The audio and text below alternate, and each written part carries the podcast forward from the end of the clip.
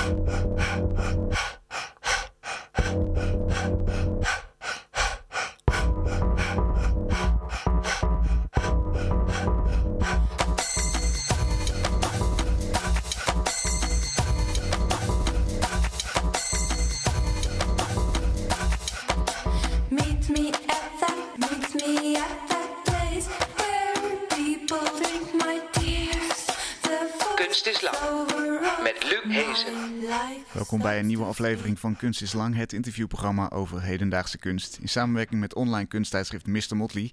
Je ziet ons live op Facebook via de pagina van Motley. En je hoort ons natuurlijk live op Amsterdam FM of later waar jij wil op je eigen podcast. En als je terug wil kijken, dan kan dat ook. Na die tijd op YouTube of op Artube bijvoorbeeld. En zoals elke week zit er hier tegenover mij een kunstenaar die heel aandachtig naar ons gesprek luistert en eh, daar visueel op gaat reageren. Afra IJsma is dat deze week. En aan het eind van het uur hoor je meer over een project dat op voor de kunst staat. Fotograaf Marijn Baks trok tien jaar op met Mar, een vrouw die vorig jaar op 102-jarige leeftijd is overleden. En zij gaat straks uitleggen wat het voor bijzondere verhalen en bijzondere foto's opleverde. Maar eerst natuurlijk mijn hoofdgast, Maria Bonas. Ze is dichter, schrijver en kunstenaar, schreef drie romans en vier gedichtenbundels en ontving een hele lijst aan literaire prijzen.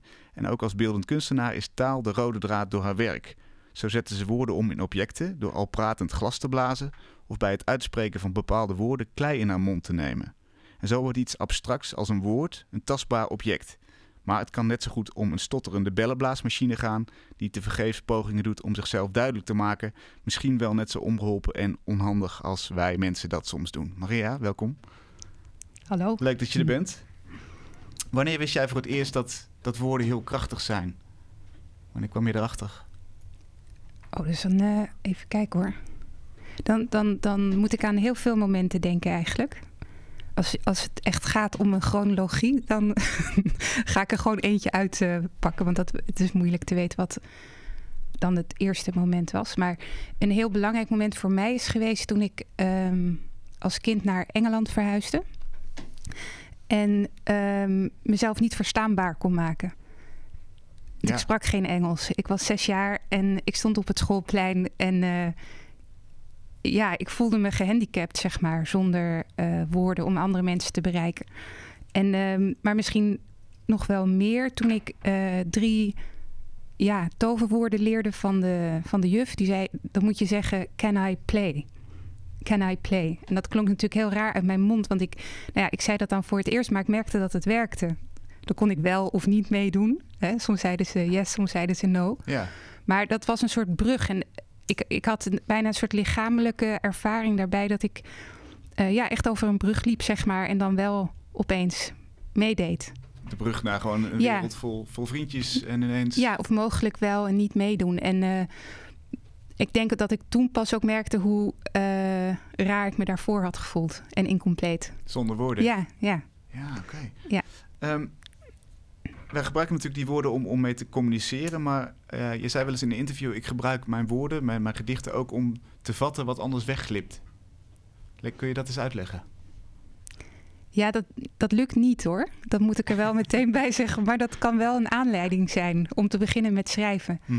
Ehm, denk, zoals misschien eh, iemand anders een camera pakt, eh, denk ik, dan laat ik dit snel opschrijven, anders vergeet ik het. Of, dus dat kan iets zijn wat iemand zegt, of iets wat ik zie, of eh, ehm, ja, waarvan ik denk, als ik het nu niet opschrijf, dan is het voor altijd verloren. Zoiets. En dan, ja, vervolgens gebeurt er natuurlijk iets anders, want het is eigenlijk niet mogelijk om, om datgene te vatten wat ik dan probeer te vatten. Ja, Ja. want gaat het dan om, om, om emoties of gedachten of vermoedens? Wat, wat... Ja, dat is heel wisselend. Ik, ik heb altijd een schrift bij me als een dagboek. Dus dat, en dan, dan ehm, daarin schrijf ik alles op. Dus dat kan zijn hoe laat ik de trein moet hebben, maar ook een boze brief aan iemand, de opzet daarvoor. Of, eh, ehm, en vaak, vaak weet ik nog niet eh, dat iets een gedicht gaat worden. Dus ik schrijf eigenlijk een beetje in het wilde weg. Ehm, en dan teruglezend denk ik, wat staat daar nou? Wat gebeurt daar? Dat is iets vreemds of moois of opvallends dat ik dan uit ga werken. Ehm, dat wordt dan een gedicht, soms. En eh, dan moet het dus ook iets zijn wat uit de toon valt. Ja, ja waar ik eigenlijk altijd naar zoek is dat er, dat er iets gebeurt wat echt alleen maar in taal kan. Ehm, misschien om het te vergelijken. Ik sprak net met een eh, student beeld en taal, eindexamenjaar, Salome Rodenburg, die hele mooie tekeningen maakt. En zij had bijvoorbeeld eh, de glazen van een verrekijker, de rondjes, laat ze dan terugkomen in een soort achtergrond waar al die rondjes ook weer terugkomen, waardoor je het idee hebt, er wordt iemand constant aangestaard. Dus dat is een soort ja, beeldrijm of wat daar dan ook ontstaat. Dat kan alleen maar in een tekening. Ik kan het nu wel beschrijven, maar dan, dan ben ik het heel erg aan het uitleggen. Terwijl in die tekening heb je dat met, meteen als een soort, komt dat meteen bij je binnen. En eh, dat kan natuurlijk ook in taal. Dat er iets, ehm, eh, ja, dat je iets beschrijft en dan gebeurt er, dan, dan vindt er een soort transformatie plaats die echt alleen maar in die woorden kan zijn. En dan, als dat lukt, dan, dan vind ik het spannend, zeg maar. Dan ga ik daarop verder. En dan probeer ik dat zo, zo levendig mogelijk, denk ik, te maken. Of, uh, ja. Kunnen we dat illustreren aan de hand van een gedicht? Oh, misschien. Dat hoop ik. wel, want, want we hebben de, ja. de grote primeur, de wereldprimeur. Uh, je hebt een, ja. komt een nieuwe dichtbundel van je hand en uh, je hebt ja. hem uh, als pdf op je mobiel en je wilt voor ons wat, wat voorlezen. Ja. het gedicht heet nu Toekomsten, maar misschien gaat hij nog anders heten. Toekomsten. Er is een kluwen in mijn maag met vragen als hoeveel staat er nog op mijn bankrekening en nu, en nu ik toch de levenslange jas heb gekocht. Ze graaien. Hoe rood is het hoofd? En gaat mijn moeder niet dood, mijn vader, mijn broers niet één voor één? Als gammele stoelen van de draaimolen waar ik niet meer in pas. Scheren ze langs de kop, daar zul je hem hebben, die ik niet uitzocht. Geen hoed is diep genoeg om in te verzinken. Bukken, geloven dat ik een tijdsreis maak als ik de tunnel in fiets en er anders uit tevoorschijn kom.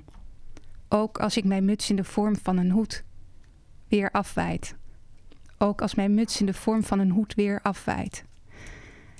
Dit zou voor een toekomst door kunnen gaan, zeg ik, meermaals opdat het waar gaat klinken. Kijk maar hoe ik hoger op het zadel zit, verblind de dommelende zon inrijdt. Mooi. Heel mooi. Heb je, heb je nog enig idee hoe dit ontstaan is? Met, met, met wat voor woord, zin, beeld? Ja, er, is een heel raar, eng, donker tunneltje in uh, de, buurt van het station van Alkmaar, waar ik vaak doorheen fiets op weg naar huis. Ik, ik woon in Bergen. En ik, ik werk in Amsterdam, dus ik ben heel vaak uh, vanaf dat station rijk door dat tunneltje. En dan, uh, ja, dan denk ik dat er iets verandert, zeg als ik dat tunneltje doorrijd. Okay. Ik weet ook niet, dat, ja... Um, nou, misschien probeerde ik er gewoon iets van te maken, omdat ik het niet zo leuk vind om door dat tunneltje te rijden. Ik weet het ook niet. Ja. En dan dacht ik, ja, het is, je kunt als je op het moment dat je zegt, uh, je maakt een tijdsreis, dat je als je door dat tunneltje gaat, dan is het eigenlijk ook zo. Want je, dan onderscheid je een vroeger en een later, zeg maar, een nu en een nu. En uh, ja, dus da daar ontst- denk ik dat het een beetje door ontstond. Maar veel meer kan ik er eigenlijk ook niet over zeggen. Want het ontstaat dan ook gewoon op papier. Het een roept natuurlijk het ander op. Ja. En um, misschien uh, een van mijn laatste gedichten. Ik hoop dat die hier ook al in staat. Die misschien iets meer ook illustreert waar ik het net over had, zeg maar. Hoe, hoe een soort transformatie kan, kan ontstaan in taal. Dit, dit, is trouwens ook ontstaan door te fietsen uh, door een weiland. En ik hoorde een, een uh, hele rare doffe knal in de kruin van een boom. En ik wist niet of dat een schot was van een kogel. Of dat ik zeg maar, me in de ber moest uh, gaan verstoppen. Of dat er, dat er iemand op een zak had gestapt. Het was echt een heel raar geluid. Ik kon het niet thuisbrengen. Een kruin klapt dof in elkaar als een plastic tas gevuld met adem en scheldwoorden die iemand onder zijn voet wil vermorzelen. En uit de ribbenkast die de boom is, storten tegenstribbelende vogels en vissen die ik heb gewonnen, met het hortende schieten en wit worden in de botsende auto's, bewegingsloos op weg naar huis. En plat als de kikker waar de magere jongen uit mijn klas op stampt en trapt met zijn laars. Ik zie iemand hangen aan een afgrond, zo trapt hij op de vingers. Ze komen loom dood aan de oppervlakte drijven. Ik adem vluchten in, zinnen, vinnen, vleugels, vingers uit.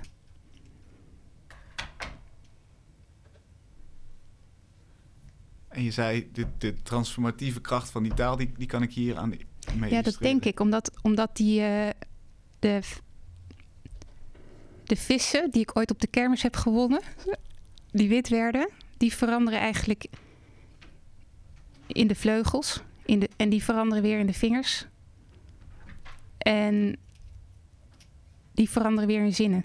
En dan is het uiteindelijk het gedicht natuurlijk ook... Ja, wat is dat dan? Een vlucht of een, een, de beweging van die vis? Of dat kan het dan plotseling allemaal zijn. Ja. En ehm, misschien moeten we dan meteen naar, eh, naar, zo'n andere quote van jou. Die, eh, eh, je zei dus, we hebben natuurlijk taal nodig om, om grip te krijgen op de werkelijkheid. Dan leg je de interpretatie van de werkelijkheid vast. Maar ehm, een beschrijving kan ook een nieuwe werkelijkheid oproepen. Ehm, misschien kun je, kun je het aan de hand daarvan ook nog eens illustreren. Met een ander gedicht bedoel Nou, nee, nee, met, met bijvoorbeeld, eh, in, in dit geval eh quote hier Paul Aster, de, de, de schrijver. Zodra ik de kamer beschrijf waarin ik me bevind, bevind ik me in twee ruimtes. Namelijk de kamer waar ik me feitelijk in bevind, maar ook de kamer die ik beschreef. Er is een soort van concept ontstaan. Ja. Ja, dat gebeurt, ja. Maar dat gebeurt altijd natuurlijk. Hè? Zodra je iets beschrijft, maak je een nieuwe werkelijkheid. Ehm, Maar wat is dat voor werkelijkheid? Want, want heel veel mensen kennen die hele werkelijkheid, denk ik niet. ik, ik heb daar wel echt iets over geschreven. Dus misschien, eigenlijk zou ik maar twee gedichten lezen. Maar het is misschien toch goed om, als ik hem nog vind. Ehm, nou wel, iedereen kent die werkelijkheid. Als jij aan, aan eh, je moeder probeert te beschrijven hoe je dag was. Hm? Vind je dat dat meestal lukt? Dat je echt een goede weergave hebt gegeven van je dag? Nee, ik dacht tot nu toe dat het aan mij lag. Maar jij, zegt dat dat is sowieso onmogelijk. Het kan niet. Nee, het kan niet. Maar dat weet toch ook iedereen die probeert een tekening te maken van iets. Of... En het is ook heel mooi dat dat niet kan. Je kan het wel heel- proberen. En, Mhm. en de, de, ik denk dat de, de, de benadering, zeg maar, de, de poging, de echte, ook de, de welgemeende poging, eh, echt iets, ja, dat kan natuurlijk wel iets opleveren. Maar het is niet, je kan nooit zeggen, de, daar is onze taal sowieso ontoereikend voor. Ja, En ook eh, de beeldtaal, natuurlijk. De, eh, ja. dat vind ik ook wel een treurig besef. ja, ik heb ook heel lang gedacht dat het wel kon. Ik heb ook echt heel serieus me geoefend in het eh, zo goed mogelijk wel doen. En eh, gewoon genegeerd dat het niet kan. Totdat ik. ehm, het was eigenlijk een beetje een samenloop van omstandigheden. Dat ik, ik eh, George Orwell las en ook over de, de Wiener Krijs, die, waar hij ook weer door beïnvloed was. Een taalfilosoof die ehm, eh, wel probeerde te gaan voor een pure taal. Dat, wilde ze heel, dat wilde ze heel graag nastreven. Maar het mislukte keer op keer. En eh, George Orwell heeft daar, eh, naar aanleiding daarvan ook zijn Newspeak-idee kunnen ontwikkelen. En een pure taal zou, zou betekenen een taal die samenvalt met de werkelijkheid die Ja. die beschrijft. Ja, dat het werkelijk. En het is wel heel interessant. Eh, Ger Groot die heeft een heel mooi essay geschreven eh, in de gids over de, de onfeilbare taal, zo'n soort titel. Ehm, en daarin beschrijft hij eigenlijk de geschiedenis van ons denken en ons geloof in dat het ook wel kon. En on- zelfs in onze taal zit dat geloof nog vervat. Omdat ik kan zeggen, la, ik deel een idee met jou. Of ehm, eh, onze hele communicatie eh, woordenschat is erop gebaseerd dat ik een, een boodschap heb. Ik stop die met woorden in een envelop en die geef ik dan aan jou. En jij kunt hem openen. En dan, dan kun je werkelijk weten wat ik dacht. Ja. Maar ja, dat is wel echt een heel achterhaald idee natuurlijk, helaas. Dat dat kan. maar ook niet helaas, want dan ontstaat er ruimte voor vervorming, voor misvattingen, voor ehm, eh, absurditeit. eh, ja, voor kunst wat mij betreft. Eigenlijk begint het dan pas. Als je die, die, die ruimte tussen het, het weten waar het misgaat... of aanvoelen waar het misgaat en toch proberen... en dan eh, daar ja, iets mee doen... volgens mij ja, begint het daar eigenlijk pas. Oké, nou Ja. eh, laten we horen wat je erover geschreven hebt. En daarna heb ik nog wel een vraag Ja. erover. Dit ontstond eigenlijk naar aanleiding van een beeld van eh, Mark Manders... die een heel gek typemachientje op een eh, heel eh schriel tafeltje... op hele dunne beentjes had gezet. Met een muur ehm, daarachter van een soort nep bakstenen muur. Ik bevind me tussen de tafel en hoe die is beschreven. Ik aarzel om verder te gaan uit angst om tussen die tafels te vallen... als in de bodemloze schacht van een lift... Is die ruimte denkbeeldig? Ik sluit niets uit. Daarin kan ik bestaan. Vanaf mijn stoel is nog net een werkelijkheid zichtbaar. Er komt een lichaam in voor. Het beweegt zich vertraagd door een diepe laag sneeuw. Het kondigt iets aan en keert zich eerder af. Dwarrelen is een woord dat het lichaam onthaalt. Dwarrelen in het bijzonder en doorhaalt. Er twijfelt een nachtboot in mijn hoofd die mij op volle zee naar huis moet brengen. Er zijn landen aan de overkant waar we gaan wonen. Alleen de boot wordt wit. Wat mij omringt blijft zwart en zeeachtig klotsen. Ik weet niet welke richting we op gaan en in welke taal. Er valt sneeuw en er valt gesproken sneeuw. Er valt sneeuw in dikke, onbeholpen vlokken uit mijn mond. Eh, Nou, nou zit ik me ook eh, eh, tijdens het horen van dit gedicht af te vragen of ik dan wel hetzelfde hoor als wat jij hoort. En, en of. hè, Wat denk jij? hoe ver is de rot van de taal ingezet? Waar, waar, waar houdt het op? Ja, ik weet het niet. Dat is natuurlijk een, een heel taalfilosofisch Ja, probleem. Daar gaan we niet uitkomen. nee. Maar, maar hoe, hoe zet jij hem in? Of hoe, hoe, hoe, ver- hoe verwerk jij hem? Ja ik, ja, ik denk dus echt dat iedereen die hier eh, naar heeft zitten luisteren iets anders heeft gehoord. Maar ik, eh, want nou ja, dat blijkt ook, hè, als je zoiets vraagt van wat heb jij gehoord? En vaak denkt iedereen dat het over hem gaat of haar. Ja. dat is ook heel grappig. Ja, zeker. Ehm, en, eh, maar ik denk wel dat, net, ja, dat net als muziek, ehm, zo'n gedicht wel kernachtiger, kernachtiger is dan een, eh, zomaar een verhaaltje. Dus ik, ik denk wel dat, eh, kijk, dat het woord boot of steen of dat, het- dat het niet alleen die boot en die steen is waar jij dan toevallig aan moet denken, maar dat je toch ook wel het idee boot en steen kunt delen met iemand. En Mm. ik denk wel dat poëzie daar eh, sterk op leunt en wel meer, meer dan andere taalmiddelen toch, toch het probeert om wel een eh, ja, iets, iets eh, Over te, over te brengen. Ja, ja, en misschien gebeurt het wel tussen de regels of ja, Ja. maar En, en hoe, hoe zou jij, stel dat je, dat je dit concept van, van misschien een soort van parallele werkelijkheid of zo, of, of allemaal betekenissen naast elkaar, hoe zou je dat beeldend kunnen maken? Hoe zou je dat omschrijven? Als je dat zou moest, moeten omschrijven. Hmm, wat een goede vraag. Eh, het is een goede vraag omdat ik het niet weet. Dat weet ik niet hoe je dat beeldend zou omschrijven. Ehm,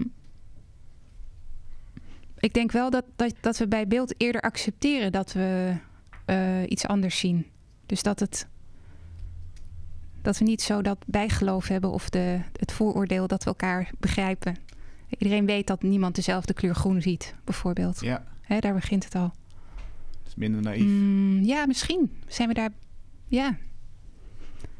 Maar ja, moeilijk om daar absolute uitspraak over te Ja, doen. ja, precies. Ja. Nou, waar, ik- waar ik eigenlijk naartoe wilde, is, is dan ook de vraag: kun je zo'n, stel dat je dit, het, het als een soort van parallele werkelijkheid ziet, kun je elkaar da- daar dan ook ontmoeten?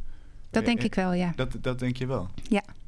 Ja, alleen al door erover te praten en dat je die dan zeg maar, ja, misschien conceptueel, maar toch, je zet hem wel neer. Ja. Ja. Is Ja. dat trouwens ook waarom, waarom veel poëzie eh, inderdaad van die begrippen heeft, zo- zoals eh, eh, boot of ster, of, of toch een beetje de, de archetype? Ja. Ja, kijk, als je dat aan Kopland vraagt, zou die ja zeggen. Ja. Als je dat aan jongere dichters zou vragen, zouden ze dat denk ik ontkennen.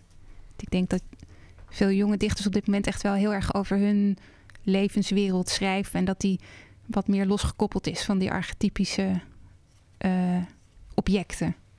Maar toch kom je er niet onderuit, denk ik. Nee, want, het- want die jonge Ja. dichters hebben dan misschien het, ook het, het eh, naïeve idee dat ze daarmee dichter bij de werkelijkheid komen. Ik, ik weet het niet. Nee, Ja. je kunt niet nee, dat weet ik niet. Nee, Nee. Dat, dat snap ik. Nee. Ehm, we, we hadden het ook over eh, eh, hoe onmachtig je kan zijn als je de taal niet machtig bent. Eh, jij, je hebt ook een tijd in Duitsland gewoond. Hoe, hoe heb je dat daar ervaren? Want dan moet je ook natuurlijk een soort van opnieuw beginnen. Tenminste, ik weet niet hoe Ja. goed je Duits was, maar... Nee, heel slecht. Het was echt heel slecht. Ehm, en ja, dat heeft voor heel veel misverstanden gezorgd. En, en, en, en ook wel, eh, ik weet het Nederlandse woord daar niet voor, maar eh, alienation. echt, Vervreemding. vervreemding. Hmm. Kun je zo'n een situatie omschrijven?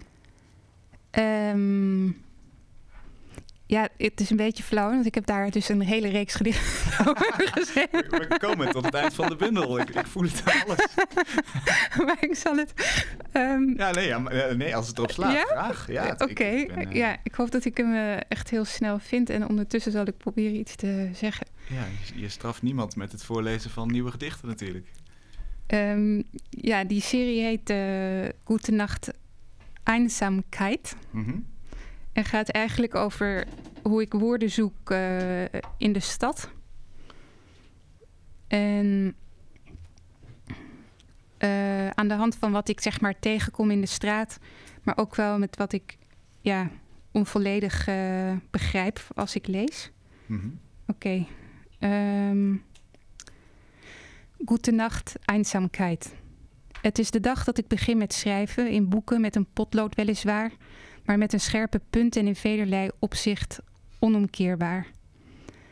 Het is Der Untergeher, de eerste roman die ik lees in het Duits, waarin ik als ware in het vloeibare fase mogelijkheden in de kantlijn blijf plaatsen.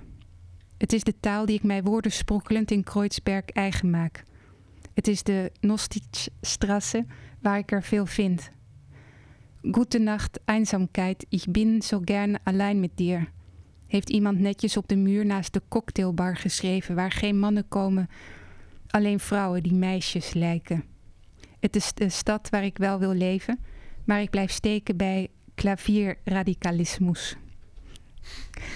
Dat is een heel mooi woord wat in Der Untergeher staat. Ja. Ja, die ik dus niet, ook niet heb uitgelezen. Eh, wegens gebrek aan begrip. Ja, want ik was al zo overweldigd door dat ene woord. Dat dat bestaat. Klavierradicalismus. Hoe, zou- je het vertalen? Ja, piano-radicalisme.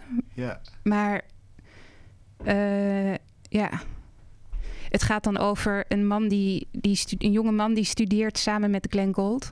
En ja, naast die meester als student al zich realiseert, ik kan het wel schudden. Ik kan nooit zo virtuoos gaan spelen als, eh, als Glenn Gould. En hè, dan studeert die man nog maar. Dus dat is, ehm, ja, en om, om de, de, zeg maar de kracht van het spel van Glenn Gould aan te geven, heeft, komt hij met dat woord, klavierradicalismus. Ja, echt heel mooi. Ja. En dan, ja, dan zijn er nog ze- ja, zeven andere gedichten die gaan, dus zeg maar in die serie van, de, van Gute Nacht Einsamkeit. Ehm, Jan Wagner, een, een Duitse dichter, heeft er eigenlijk heel mooi over geschreven over deze cyclus. Die is in Duits vertaald ook. En hij zegt dat. ehm, hmm, het is eh, moeilijk om het even samen te vatten. Want hij, hij plaatst het in een traditie van dichters die lezend in de stad of door te lezen ehm, een identiteit proberen te vinden. Daar was ik me helemaal niet van bewust van die geschiedenis. Maar ehm, ja, hij stelt eigenlijk heel duidelijk dat taal is identiteit. En eh, ja, dat ben ik wel met hem eens. Je kunt iemand anders zijn, ook in een andere taal, geloof ik. Ja, dat, Bijvoorbeeld. dat, dat, daar was ik benieuwd naar. Want ehm, je hebt natuurlijk wel al een, eh, een, een volwassen leven, nou nog niet helemaal achter je, maar je, je bent een volwassen vrouw. Je, je leert een nieuwe taal. Je, die wereld is niet meer nieuw. Alleen de manier waarop je hem beschrijft is nieuw in het Ja. Duits als je een nieuwe taal leert. Ja, Dat maakt ook misschien dat je, dat je wat selectiever kan zijn in welke delen van die taal je tot je neemt. mhm. Hoe, hoe ben je daarmee omgesprongen? Want je kunt dus ervoor kiezen om niet verder te lezen na zo'n mooi woord in zo'n roman. Nou, ik, ik was heel blij. Ik ben, ik ben eh, bijvoorbeeld eh, een taart gaan bakken. Dan was ik heel trots toen ik dat recept begreep. Ah ja. En, eh, maar toen het mislukte, dacht ik echt dat dat deeg, wat daar mislukt lag op het aanrecht, in een andere taal zuchtte. Dus het is heel gek. Of als ik een vogel zag op een tak. En eh, dan dacht ik, is dat dan een Duitse vogel? Wel? dan kende ik het woord, had ik wel geleerd, vogel, moet je dan zeggen. Niet vogel, maar vogel. En met een hoofdletter? En, maar op het moment dat je dat weet, dat die vogel heet, dan denk ik, als hij dan geluid maakt, zeg maar, is dat dan ook Duits? Of hoe, hoe werkt dat? Dus alles zag er anders uit. Alles zag er anders uit. Maar hoe ik omsprong met die taal eigen maken, nou, dat was echt heel van hot naar her. Gewoon pakken ja, wat ik te pakken kreeg. Ik heb geen les gehad. Mhm. Maar mijn man is Duits, dus die spreekt Duits met de kinderen thuis. Dus daar, daar had ik het eigenlijk al veel eerder van kunnen leren. Maar ehm, ja. En het lijkt natuurlijk op het Nederlands. Hè? Dus het is ook weer niet eh, zo vreemd dat het. eh, ja. Maar dat goed, dat is ook verwarrend natuurlijk.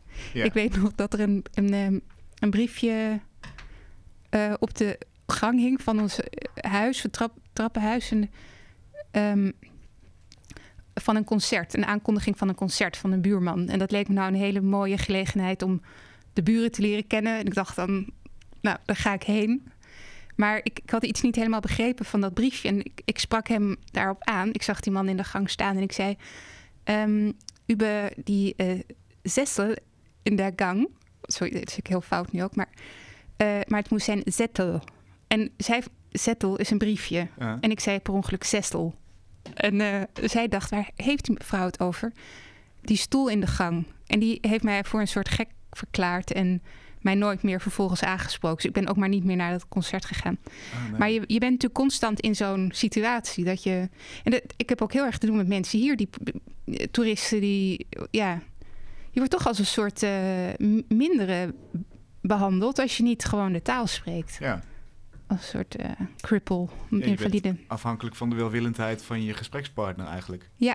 Maar, maar die, die kan toch ook in dit geval zeggen, er staat helemaal geen stoel in de gang. Wat, eh, Ja, wat bedoel je nou? Maria. Ja, weet ik veel. Maar ja, daar ben je dan ook misschien. Ja, goed, in een andere taal ben je dan misschien ook niet zo eh gehaaid als eh, in je eigen taal. Ja. Dus dat, ja. Hoe, hoe, jij geeft ook woorden vorm. Ja. Letterlijk. Hoe, hoe, ziet het Duits eruit in jouw hoofd of in jouw ervaring? Ik heb een, een, een, een beeldenserie gemaakt over het. Maar eigenlijk over de verschillen en de gelijkenissen tussen de woorden heim, heem en home. Eh, en over het vreemde fenomeen dat, dat, ehm, dat als ik heim zeg, dat ik echt aan iets heel anders moet denken dan als ik home zeg. En heem is dan een heel mooi oud-Nederlands woord. Ehm, wat dan bijna ouder is dan mijn eigen idee van thuis. Dus dat, dat roept voor mij dan ook ja, de thuizen op van mensen die weg zijn gegaan en weer terug zijn gekomen. En ehm, mm, eh, nou bleek Heim best veel te lijken op Home toen ik het in glas ging blazen. Mhm. En eh, eigenlijk ook niet heel veel uit, eh, anders eruit te zien dan eh Heem. En dat is natuurlijk ook, ja, het ging me ook meer om het, om het volume en misschien en, en het fysieke en het ook wel gewoon het feit dat ik dat woord op een bepaald moment heb uitgesproken en dat je de stolling daarvan kan zien. Meer dan dat ik geïnteresseerd was in welke vorm krijgt die precies. Oké, ja. Ehm, en ik denk dat ik mede daarom ook nu inmiddels veel meer zelf die vormen bepaal. Want dan denk ik, ik heb daar een idee van hoe een bepaald woord eruit moet zien. Ik heb in het eh, Glasmuseum nu een aantal. Oh, die heb ik trouwens. Hij, hij gaat nu naar ehm, zaterdag in de kleine tentoonstelling bij aan het Gelink open. Is die te zien? Mhm. een van de beelden die ik gebaseerd heb op het, op het woord sorrow. En eh, ik had een heel duidelijk idee van hoe dat eruit moest zien. Ik wilde dat dat groot was en zwaar. En dat het iets is wat, eh, wat je ook weer aan iemand anders kunt geven. Oké. Dat je het dus ook weer kwijt kunt. En, en, en dus, omschrijf het eens. Hoe, hoe is het, welke vorm heeft het gekregen? Het is een soort grote boom eigenlijk. Die ook wel op een buik lijkt. Wat mij betreft kan die ook in de bodem van een buik liggen. Het is wel een hele grote buik. En eh, hij is heel donkerblauw. En eh, de, er zijn de, het is een serie van zes. eh, en een beetje mislukte zevende. Die volgens de glasblazers elk moment kan knappen. Wat ik ook wel mooi vind. Zorgwekkend. Ja, maar het is ook wel mooi, toch? Dat Ja, zo'n woord, eh, en ook omdat het sorrow is of zo, dat het dan ook weer kapot kan gaan. Ja. Ehm, dat is, die is dan niet goed eh, in de oven gegaan of iets, daar is iets mee. En eh, ja, die zijn heel blauw en, en zwaar en ook wel mooi, want ik, ik denk dat, dat, dat sorrow ook niet per se iets verschrikkelijks hoeft te zijn. Ik hoor allerlei materiaal en, en, en, en ook weer dingen niet. Want het is ook wol, geloof ik, Afra. Wat, wat, wat gebeurt er allemaal eh, aan de overkant? Mijn, pak je microfoon er even bij als je wil. Ik ben aan het handtuften. Dus dat is een techniek dat je vanaf de achterkant werkt en dan aan de voorkant resultaat hebt. Handtuften. Ja, en dat is met een soort van naald waarbij je door de eh, stof heen gaat. En dan komt hij aan de achterkant eruit. En ik probeer een beetje de vormen van de woorden die verteld worden erin te doen. En nu voelt het een beetje alsof het een entree-ticket wordt voor die parallele wereld. Ja. Ah, ja, precies. Want het is, het is ongeveer de grootte van een A4'tje. Ja. Met allemaal verschillende kleuren stof erin. Ja. En jij bepaalt welke kleur sliert uh, de, waar, waar doorheen komt. Ja, een soort van confetti bijna. Het is confetti. Ja, een precies, klein feestje. Een zwarte achtergrond. En, en welke woorden uh, vallen, springen eruit wat jou betreft? Mm, heim. Daarvan, uh, ik vind de H heel mooi, ook qua letter. Soort van ladder waar je op kan klimmen. Alleen als ik die dan maak, dan komt hij er aan de achterkant, zie je hem bijna niet meer terug. Dus hij vervormt ook wel weer in dat proces. En dan heb ik play, omdat dat was waar het mee begon. Uh, en dan heb ik die soort van O's-achtig van die uh, verrekijkers. En dan ga ik weer door op de, de vorm van de letter. En dan komt daar weer die ja, gekke vorm of de kantlijn weer terug. Ja. Het is een soort eigen taal. Ja, een soort van uh, eigen taal. En, en wat ik heel mooi vind is dat, want jij zegt voorkant en achterkant, maar ik zie helemaal niet wat voorkant ja, en achterkant ja. is. Ja, dit is hoort, dit hoort de voorkant te zijn. Maar ik moet zeggen dat hij een beetje inderdaad uh, heel erg een soort van toilet, zo'n toiletdingetje wat je op de grond hebt of zo. Wel heel comfortabel. Ja, heel zacht. ja, een extreem zachte. Een matje waar je, waar je je voeten op zet. Ja, ja, ja. Maar de achterkant vind ik inderdaad ook wel leuk. Dus uh, het kan nog alle kanten op. Het wordt een gesprek waar je op kan staan. Ja, ja. Mooi, dankjewel. Ga, ga rustig even door en dan ja. ik ben benieuwd hoe het, uh, hoe het verder afloopt. Je luistert of kijkt natuurlijk naar Kunst is Lang met schrijver, dichter en kunstenares Maria Barnas. Um, Maria, in het voorgesprek wat wij altijd voeren voor deze uitzending... had je het even over het begrip ik. Je zei vroeger uh, wilde ik niet zozeer uh, toegeven dat mijn werk ook persoonlijk is. Of tenminste vond ik dat het niet zo was. Maar nu wel. Waarom, waarom is dat? Wat, is, wat heeft je doen veranderen? Um, nou, misschien wel door, door dat, ja, dus dat langzaam uh, ingedaalde inzicht dat taal sowieso niet een, uh, werkelijk een drager kan zijn om iets over te brengen. Dat het ik ook een volstrekte constructie is. Um, die ik niet zo serieus hoef te nemen. Ik niet, jij niet, niemand niet, zeg maar. Dus als ik ik zeg, uh, ja, die wil ik ook echt bevrijden uit, zijn, uh, uit het idee dat dat dan persoonsgebonden is. En dat, dat werkt heel goed voor mij om daar zo over na te denken. Zeg maar, dat is. Um... Want ik kan ook een, een verteller zijn, of een, en misschien zelfs een onbetrouwbare verteller. Ja, en het grappige is dat in de literatuur is het, het lyrisch ik ook een heel bekend fenomeen. Ja. Dat uh, kennen we al vanaf uh, de romantische poëzie, zeg maar. En uh, alleen, ja, op de een of andere manier zijn we dat een beetje vergeten, lijkt wel. Dat. Um, kijk, als, je, als een dichtbundel besproken wordt, dan zie je ook heel grappig. Sommige recensenten durven niet de dichter gelijk te stellen aan degene die het woord voert. Mhm. He, dus als, uh, als de dichter heeft geschreven... mijn moeder is dood, dat ze dan niet moet zeggen... oh god, wat zou er gebeurd zijn met die... He, maar dat het een constructie is. Ja. En, en de, ja, de meer uh, voorzichtige recensenten schrijven dan het ik-figuur. En dat is denk ik precies waar het om gaat. Dat als je realiseert dat je ik schrijft en dat het een figuur is... en uh, dat die, dat die iedereen kan zijn... Um, en dan bedoel ik niet uh, dat ik me kan voorstellen hoe het is om een plant te zijn en dat ik als plant kan spreken. Dat kan ook, dat mm. kan ook. Maar zelfs als ik het, een, het idee heb dat ik een hoogst persoonlijke ervaring heb opgeschreven, dat die uh, universeel kan zijn als ik dat goed doe. Dus dat, uh, en dat maakt natuurlijk heel veel mogelijk. Ja. ja. Het schept ook een, een prettige afstand, kan ja. ik me zo voorstellen. Ja, zeker. Ja. En Um, het is misschien alleen maar uh, een probleem voor degene die het schrijft. Want iedereen vervolgens die iets leest met een ik, verplaatst zich daarin als het goed is. Ja. He, dus, ja, het is ook misschien wel heel uh, nutteloos om je druk te maken over als maker of iets persoonlijk is of niet. Ma maakt het verschil? Er zijn natuurlijk mensen die, en kunstenaars die vanuit echt hun eigen ervaring alleen werken en dat ook willen overdragen. Misschien is het Ja. Ja, ik denk ook dat het, dat het niet anders kan dat je het probeert gewoon, zeg maar. Want voor, ja, vanuit wie moet je, wie moet je anders uit, uitgaan? Ja, ja, precies. Nou ja, je, Ja. je kan à la Kafka natuurlijk eh, eh, eh, jezelf laten veranderen in een Ah, zo, ja. een beest of zo. Maar goed, dan en- nog is het zijn interesse geweest om dat te willen doen. Ja, ja, ja, ja. Of ja, hij had die behoefte blijkbaar. ja. Hoe zit dat eigenlijk in, in beeldende kunst? Want eh, nou ja, het vertelperspectief en de ik-figuur kennen we vanuit de literatuur wel. Maar er zijn geloof ik niet zo gek veel kunstenaars die als een alias iets doen. Of, of... Nee, ze zijn er wel natuurlijk. De, de mensen die zich in, als iemand anders presenteren of, eh, of in de rol van iemand anders werk maken. Maar eigenlijk wordt dat Ehm. volgens mij niet als, als natuurlijke Nee, optie herkend of erkend. Nee. Misschien wel. nee dat is gek hè? Is, is, is dat iets... Ja, eh, ja. Hoe, hoe zou dat eh, zich tot elkaar verhouden?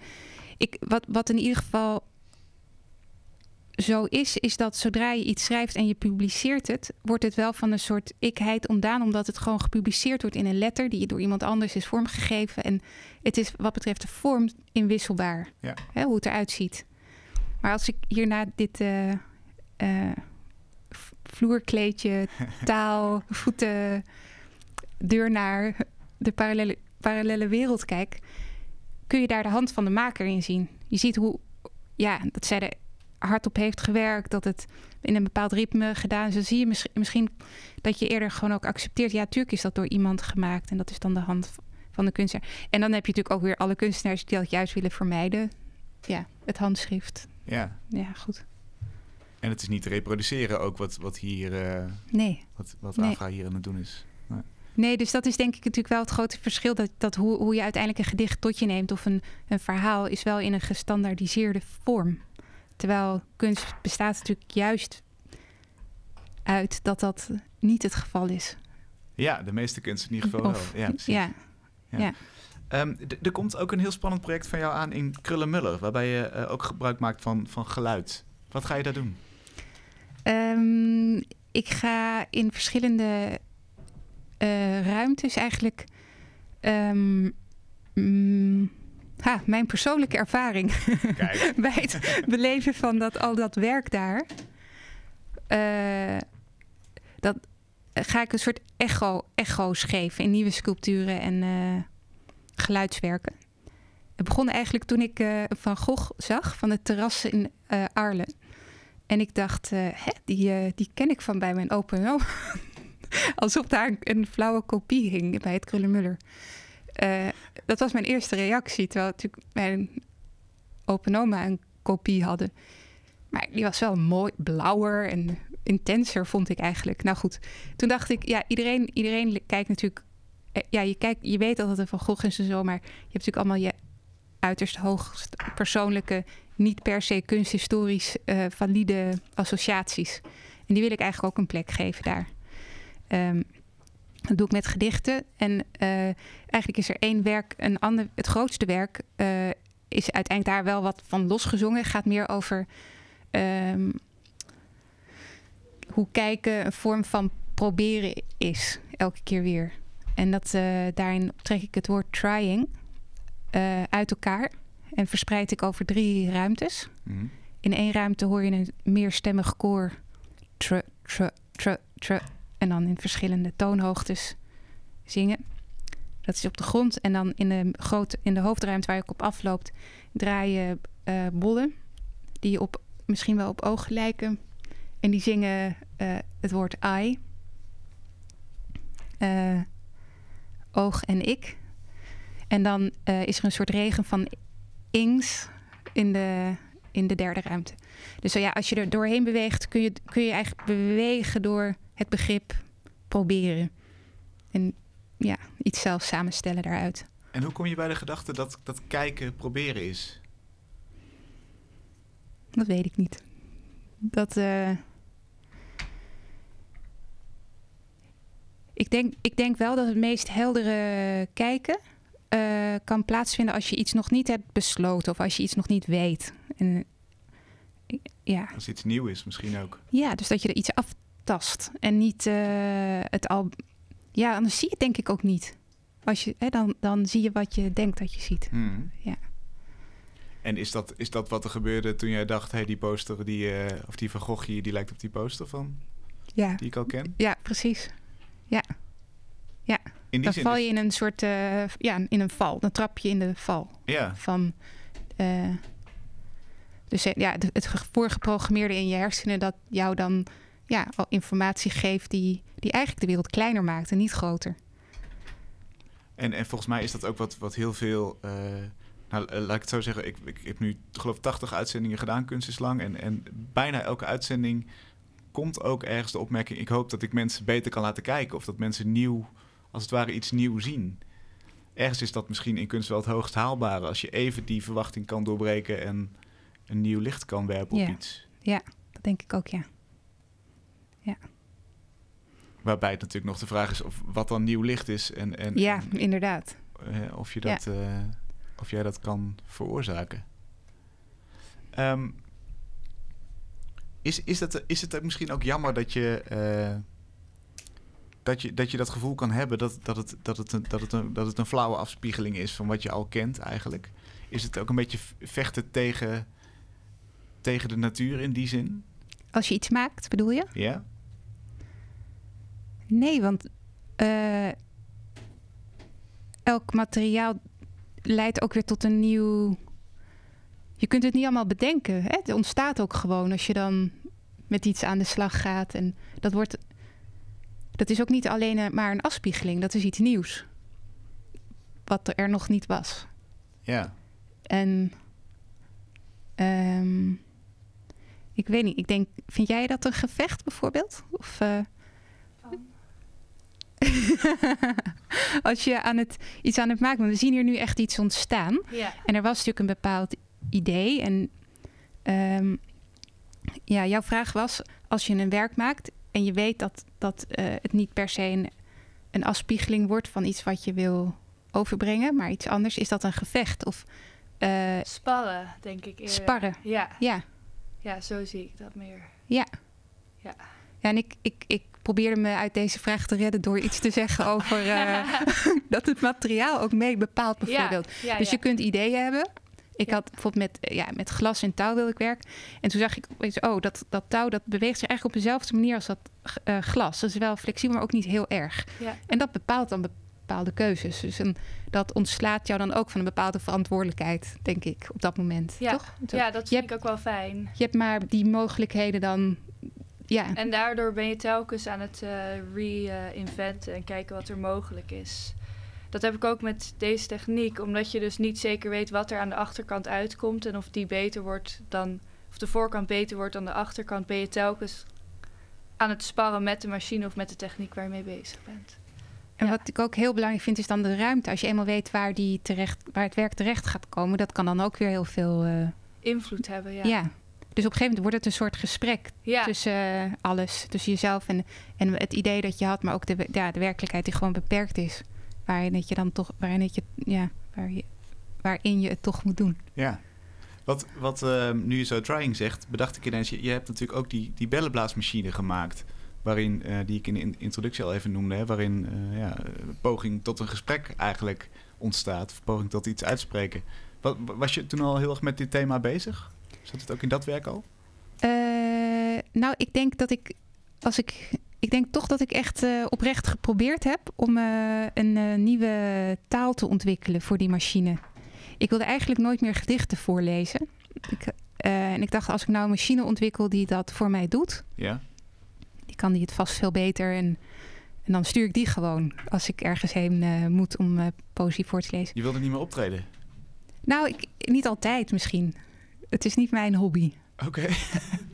En eh, het leek me zo handig, maar het probleem is dat ik nu een hele hulpbehoevende machine heb ontwikkeld. Die misschien nog wel meer aandacht nodig heeft dan ik zelf als ik gewoon maar ergens heen ga en iets voorlees. Dus soort Het is- het is geslaagd en niet geslaagd. Eh, wat ik probeerde te doen is eigenlijk... eh, ik had een tekst gelezen van Mustafa Kayati. Een volstrekt obscure situationist die... ehm, inmiddels obscuur. Hij, hij heeft een tijdje naast Guy Debord best eh, de boventoon gevoerd... en een heel mooi essay geschreven... eh, over het belang van een nieuwe taal ontwikkelen... op het moment dat je je wil eh, losmaken van de, de machten en de structuren en de krachten die jou klein maken en beheersen. Natuurlijk een thema waar we nu, ja, misschien wat wel van alle tijden is. Ik bedoel dat. en hij, hij, hij beweerde. Eh, we, zolang we de taal blijven spreken van de oppressors, eh, zullen we hun eh, deel van hun systeem blijven. Ja. We moeten een nieuwe taal ontwikkelen. En hij heeft het dan over de. dat is trouwens wel mooi, de langue du bois van Stalin. Het is de houten, de houten taal. In het Engels is dat dan de hollow language. Elke taal heeft daar een eigen. Eh, dus de retoriek, die, die, ja, wij noemen dat de holle, de holle retoriek. Ja, de holle frases of zoiets. In Frankrijk is het solide, vind ik wel grappig, Oh ja. juist. Maar, ehm, eh, maar vervolgens komt hij niet met een voorbeeld. Dus dat vond ik heel jammer. Dus want ik zat steeds van, ja, ja, ja, tuurlijk, we hebben echt een nieuwe taal nodig. Ja, kom maar door op die Eh, taal. Ja, maar hij noemt geen enkel voorbeeld. En ik dacht, daar, ja, ik ga een poging wagen. En de machine die, die ehm, de poet heet, die eh, blaast eh, bellen gevuld met stikstof, waardoor die bellen heel groot en wit zijn. En dat duurt heel lang voordat die ploffen. En als ze ploffen, dan blijft even een wolkje eh, hangen. Ehm, en dat voor mij is dat al een vorm van die nieuwe taal. Ehm, eh, en dan heb ik wel met een speaker, die, dan laat ik nog een soort woorden richting die bellen. Dus dan heb ik het idee dat de, de woorden in die bellen terechtkomen. En toen merkte ik wel dat de enige manier om, om recht te doen aan, aan de complexiteit van dit onderwerp, is om die poët te laten stotteren en te, te laten mislukken. Je wil wel, maar hoe doe je dat? Hoe ga je nou, hoe kun je je verstaanbaar maken als je een taal spreekt die niemand kent? Ja. Je kunt wel een onzintaal gaan formuleren, maar dan ben je er natuurlijk nog niet. Je kunt een geheimtaal spreken, maar daarmee krijg je de massa niet op dreef. hè, Als je echt eh, verandering wil brengen in de wereld. Dus, dus eigenlijk zijn we toch weer veroordeeld tot die, die taal die we kennen, die we hebben. Ja. Eh, Dat denk ik wel. Alleen je kunt wel blijven hameren op de noodzaak van dat we het wel nodig hebben. En dat zichtbaar maken vind ik al, ja, is ook wel een vorm van activisme. Ja, zelf zeggen van we hebben, ja, we kunnen niet eh, alleen maar accepteren wat op ons afkomt. en daarmee zijn we weer op het, waar, je aan het begin van het gesprek mee, eh, mee opende, dat het, het kunst het domein van het proberen is. En misschien Ja. wel het, het bijvoorbeeld al weten dat je mislukt. Misschien wel, maar je kunt ermee toch eh, ja, wel herrie schoppen en dingen ja, in beweging brengen. Ja, dat en, kan wel. en op andere gedachten komen. Associaties, dingen die wegglippen, toch een plek geven. Ja. Dankjewel. Nog heel even aanvragen, wat, eh, hebben er nog nieuwe dingen een plek gekregen bij jou? Ehm, Pak de microfoon er even bij. oh ja. Nee, eigenlijk niet per se heel veel nieuws. Nog veel meer kleur.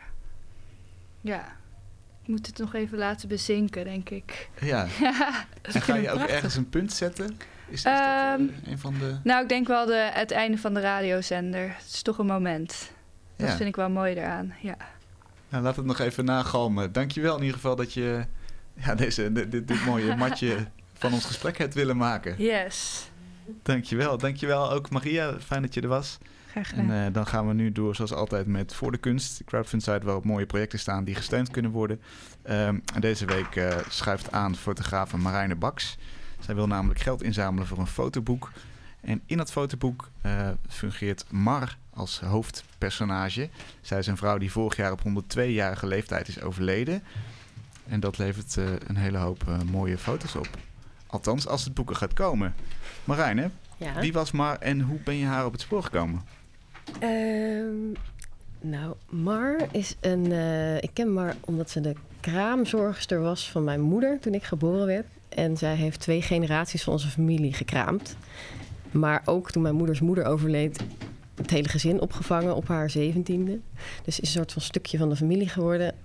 Waardoor ik haar altijd wel al één keer per jaar in ieder geval zag. Ja. Zo heb ik haar leren kennen. En wat was het eerste moment dat je dacht, hier moeten foto's van gemaakt worden? Ja, dat eh, had ik helemaal niet, want ik kon het helemaal niet goed met Mar vinden. Tot, mijn, eh, tot, tot 2008, toen ik eh, een keer bij haar en de moeder zei: Ze woont zo mooi, kom een keertje mee. en toen dacht ik, nou, met veel tegenzin ging ik daarheen. Waarom? Wat, wat, wat, wat is er zo erg aan Mar? Nou, Mar is een vrij eigenwijze dame, erg leuk. bleek later. Ja, ja. Maar ik denk ik ook. En ehm, we vonden elkaar gewoon een beetje vervelend, geloof ik. Oh. Omdat we misschien iets te veel op elkaar leken. Oké, oké. Zo heb ik, dat is mijn conclusie nu. Na, na dat ik tien jaar met haar eh, intensief heb doorgebracht. Ja, maar goed, 2008, toen veranderde dat. Je ging naar haar Ja, huis ik ging naar haar huis en ehm, dat, dat eh, fascineerde me. Of tenminste, ja, ik raakte daar ge- geprikkeld door dat de tijd had stilgestaan. Een beetje een, eh, ik zat toen nog in de illusie dat ik, of tenminste in de gedachte dat ik documentair fotograaf wou worden. Ehm, wat vrij snel daarna ook stopte, die gedachte.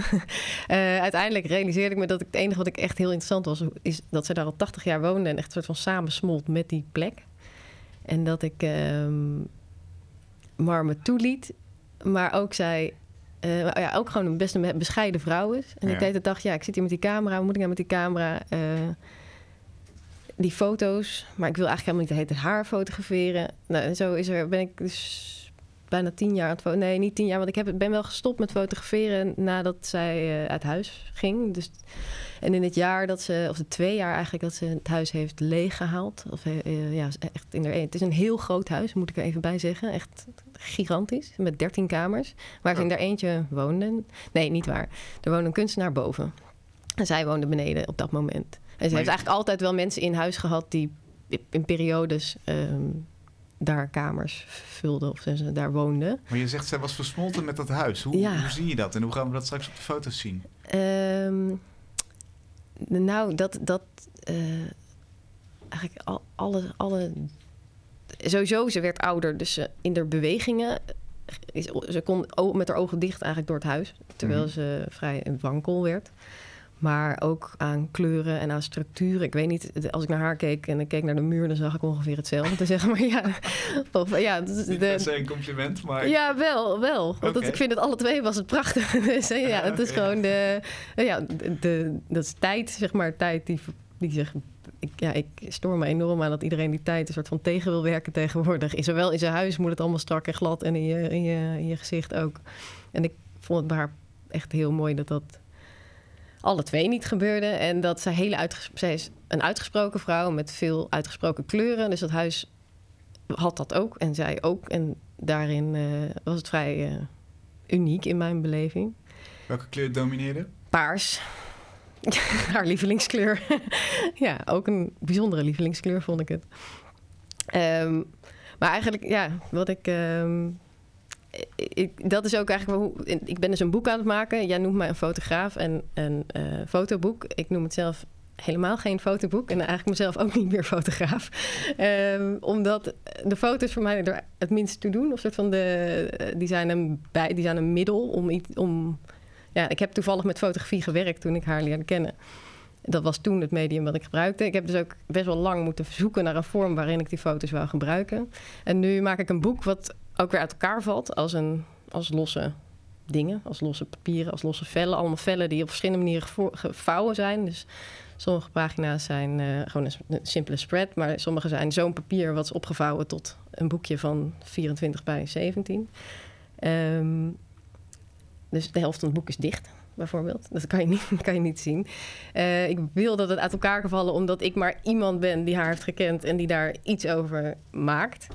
Maar ik vind eigenlijk dat. eh, dus ik heb een volgorde die ik bepaal en ik heb keuzes over diktes van papier en materiaal en bla bla en wat voor beelden. Mhm. Maar de beelden zijn heel erg gebaseerd op, ehm, op haar kleuren, haar materialen waarmee ze veel werkt, op haar eeuwig her.